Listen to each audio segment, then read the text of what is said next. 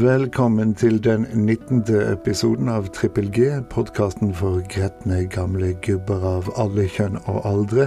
Den nest siste av denne sesongen i oppløpet til årets advent, som virker som om den har vart en evighet allerede. Men der har du det 21. århundre igjen. Jeg må bare beklage at episoden blir så lang denne gangen, nesten et helt kvarter, med løfter om at jeg skal forsøke å begrense meg for fremtiden. Nok kosesnakk, la oss få dette showet på vingene.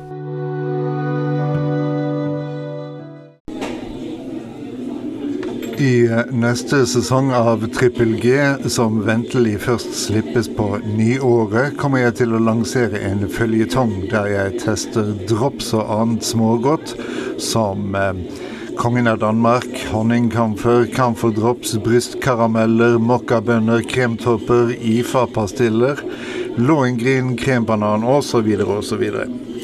Jeg medgir villig vekk at testen kan være inspirert av Radioresepsjonen, men om noen skulle avgi kvalifisert bedømmelse av antikvarisk smågodt, må det da være gretne gamle gubber.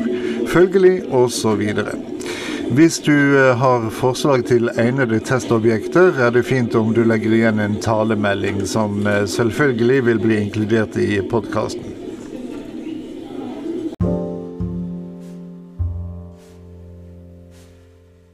Siden vassdragene er vårt eh, felles arvegods, betaler kraftselskapene skatt for retten til å benytte seg av dem. Siden norsk sokkel er norsk eiendom, gjør oljeselskapene det samme.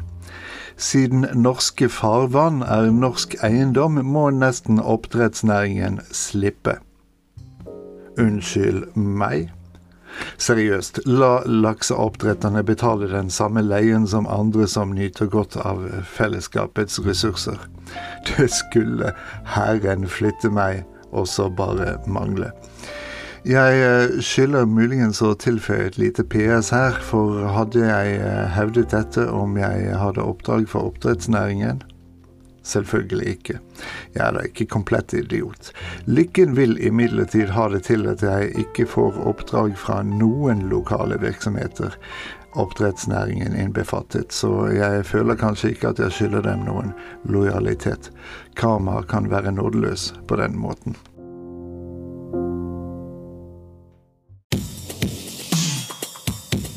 Dagens snøft.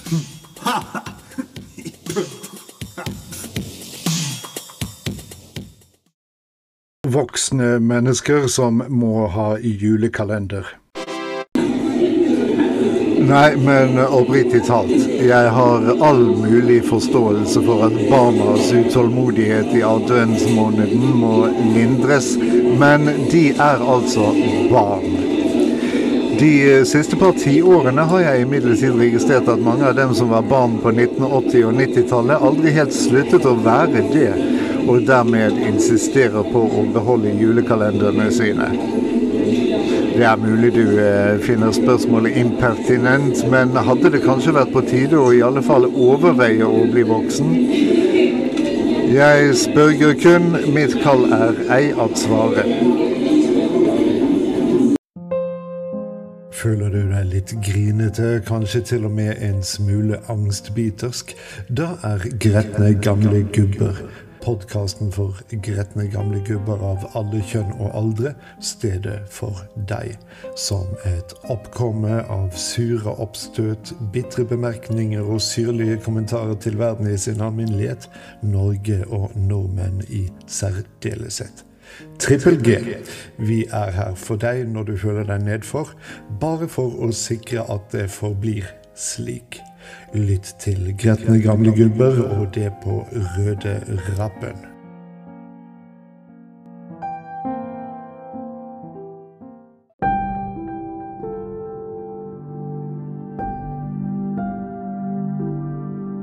Folk hadde vært så seriøst fucka om boliglånsrenta steg til normalnivået igjen, skrev jeg på Twitter her om dagen og eh, lot det i bunn og grunn bli med det, uten nærmere utbrodering. Så her følger resonnementet. Um, sist jeg hadde boliglån, lå renten på røftlig 8% men det var um, altså etter en halvering i løpet av seks år. For da jeg opprinnelig tok opp lånet i 1988, lå renten på i overkant av 16 siden har den imidlertid bare falt, med noen sporadiske justeringer hit og dit, med en topp på 8,5% i 2001. I dag derimot vaker boliglånsrenten rundt 2 %-merket, men enhver som har vært ute en vinternatt før, vet at det bare er et spørsmål om tid. I eh, jappetiden, altså forut for 1988, kastet bankene penger etter folk. Som de for så vidt har gjort de senere årene også. Og det til svært gunstige betingelser.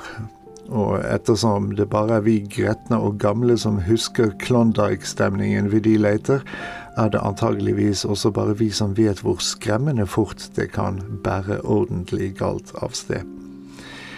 I dag svarer inn på en halv million låntagere at en renteøkning på 1% vil påføre dem store økonomiske problemer.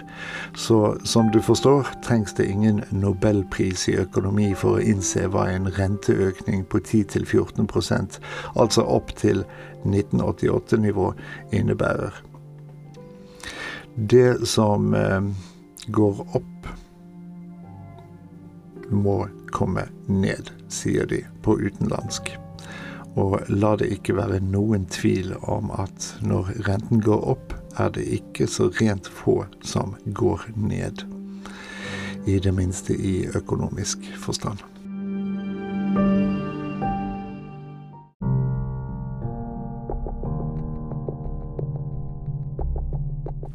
Siden vi først snakker økonomi, kan det være fristende å ta tak i den utbredte misoppfatningen at Norge var et fattig land før oljen. Så la meg benytte denne anledningen til å rette den opp. Problemet er vel heller at landet så hinsides rikt er blitt at vi skamløst betrakter fordums rikdom som fattigdom. Relativisme satt i system, simpelthen. Historieprofessor emeritus og dermed gretten gammel gubbe, Jan Eivind Myhre ved Universitetet i Oslo, gikk hin uke grundig i rette med denne forestillingen i NRK P2s Studio 2. Han er um, helt enig i at landet var fattigere for 100 år siden enn vi er i dag, men uh, hva er vel det for sammenligning, steinrike som vi er? Professoren hevder tvert om at Norge for 100 år siden var et av verdens rikeste og moderne land. Norge var blitt et industriland med en eh, mektig shippingnæring som ble etablert i løpet av 1800-tallet og brakte store inntekter til landet. Fiskeriene og treindustrien levde selvfølgelig også svært gode dager. Rundt forrige århundreskifte befant Norge seg i en svært begrenset gruppe land med sterk økonomisk vekst. Uh, Myhre sveiper uh, også innom fremveksten av velferdsstaten, som kom uh, lenge før oljen, skjønt barnetrygd, syketrygd, arbeidsledighetstrygd og allmenn alderstrygd først ble samlet i folketrygden på midten av 1960-tallet. Også det som vi vet før oljen. Alt sammen rettigheter som i vår tid derimot ser ut til å forvitre. Så kan man spørre hvordan det beriker oss. Alt i 1739 ble det i kongeriket Danmark-Norge innført skoleplikt for piker og gutter, som i løpet av 1800-tallet utviklet seg til en fullverdig grunnopplæring. Levealderen i Norge rundt år 1900 var 50-55 år, men det kan kanskje være verdt å merke seg at den var høyest i verden. Jeg skal ikke tvære ut professor Myhres detaljer om den norske velstanden anno unionsoppløsningen, men nøyer meg med å fastslå at enhver påstand om norsk fattigdom forut for utvinningen av Nordsjøens skatter bygger på en spinnvill sammenligning med våre dagers helt surrealistiske velstand. Men sjekk gjerne ut eh, Studio 2 på NRK P2 av 11.11.2019 det er en ordre. Uansett kan du, neste gang noen ymter om vårt utarmede land forut for oljefunnene, snøfte foraktelig. Det gjør i alle fall jeg.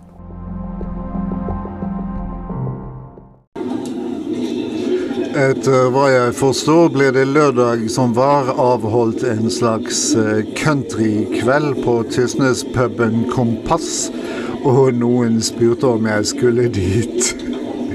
Det kommer neppe overraskende på noen at jeg ikke hadde slike planer, men som tegn på velvilje spiller vi mer enn gjerne Westrian Counteren her på Trippel G. F.eks.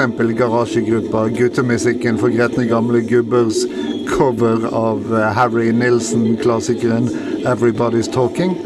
Alle sammen snakker. Yippee-ki-yay, motherfuckers.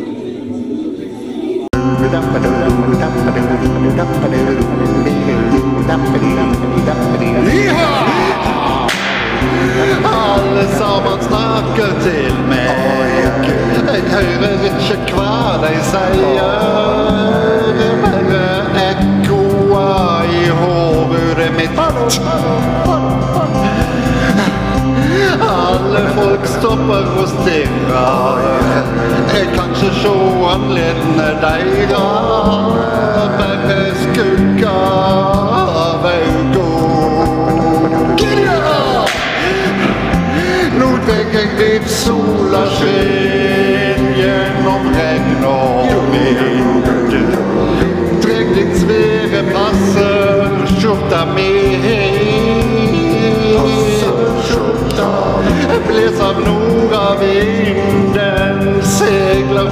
som man red. Och sprätt över vattnet som en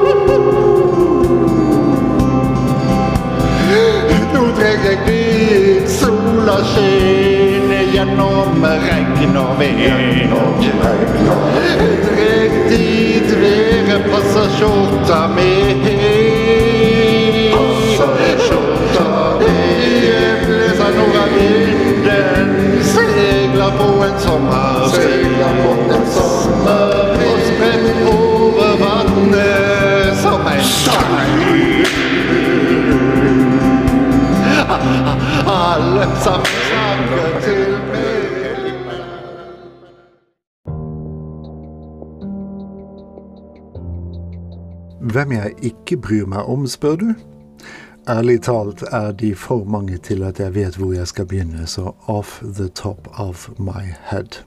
Kari Jakkesson, Helge Lurås, Jon Helgheim, Erna Solberg, Siv Jensen, Botolf Ropstad, Kringlevrider, Bollestad, Trond Giske, sjaman Durex, Ariana Skei Grande og listen fortsetter. Hvorom allting er, forblir jeg 100% upåvirket av hva de og en lang rekke andre notabiliteter måtte finne det opportunt å. Det kunne, skal sant endelig sies, ikke ha brydd meg mindre. Mye deri ligger også årsaken til at jeg stort sett forblir taus mens hylekoret gjør det de gjør best, hyler. Når det kommer til det norske nyhetsbildet i sin alminnelighet, er det vel bare én ting å si. Det blir vemmeligere og vemmeligere for hver dag. Den som tier, samtykker, heter det. I mitt tilfelle kan du imidlertid tolke det som uttrykk for at nok sakter ikke er min oppmerksomhet verdig. Så neste gang du ikke ser meg geberde meg over middelhavsfarenes uhyrligheter, vet du nå hvorfor. Og det var det. Det gjenstår nå kun én episode av sesongen. Snakkes! We are the Goobs. We were the future. We are the grumpy old sods who can't see we're a failure. There's a choice we're making. We love to bring you down. It's true we'll make a shitty day, just you and me.